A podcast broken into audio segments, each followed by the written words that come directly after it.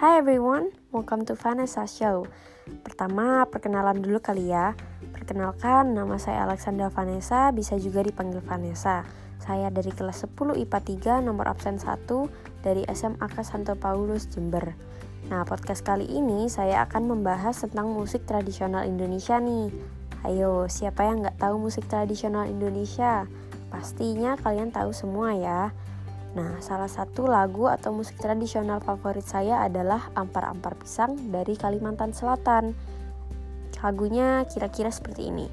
Ampar-ampar pisang, pisangku baru masak, masak sabiji diurung bari-bari, masak sabiji diurung bari-bari, mangga lepok, mangga lepok, patah kayu bengkok, bengkok dimakan api, apinya cangculupan, Bengkok dimakan api, apinya cangculupan.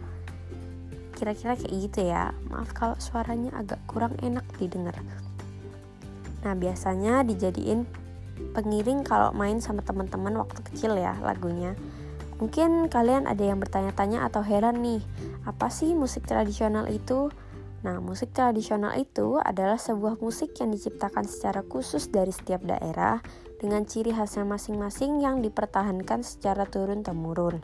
Biasanya, musik tradisional ini dijadikan sebagai sarana hiburan atau pengiring upacara adat. Bisa juga dijadikan media komunikasi dalam satu pertunjukan budaya daerah. Tadi Pak Ibe bertanya nih, kenapa sih musik yang diturunkan dari generasi ke generasi itu bisa menjadi identitas budaya suatu daerah? Nah, saya jawab di sini ya, Pak. Kira-kira apa sih alasannya? Menurut saya, musik yang diturunkan dari generasi ke generasi itu bisa menjadi identitas suatu daerah karena ciri khas musiknya.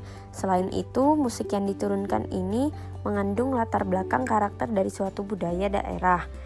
Misalnya sifat orangnya atau penduduknya, budayanya, adat istiadatnya, dan sebagainya.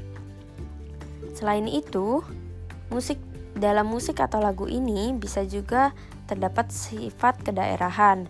Kedaerahan ini nampak pada syair, bahasa, dan dialeknya.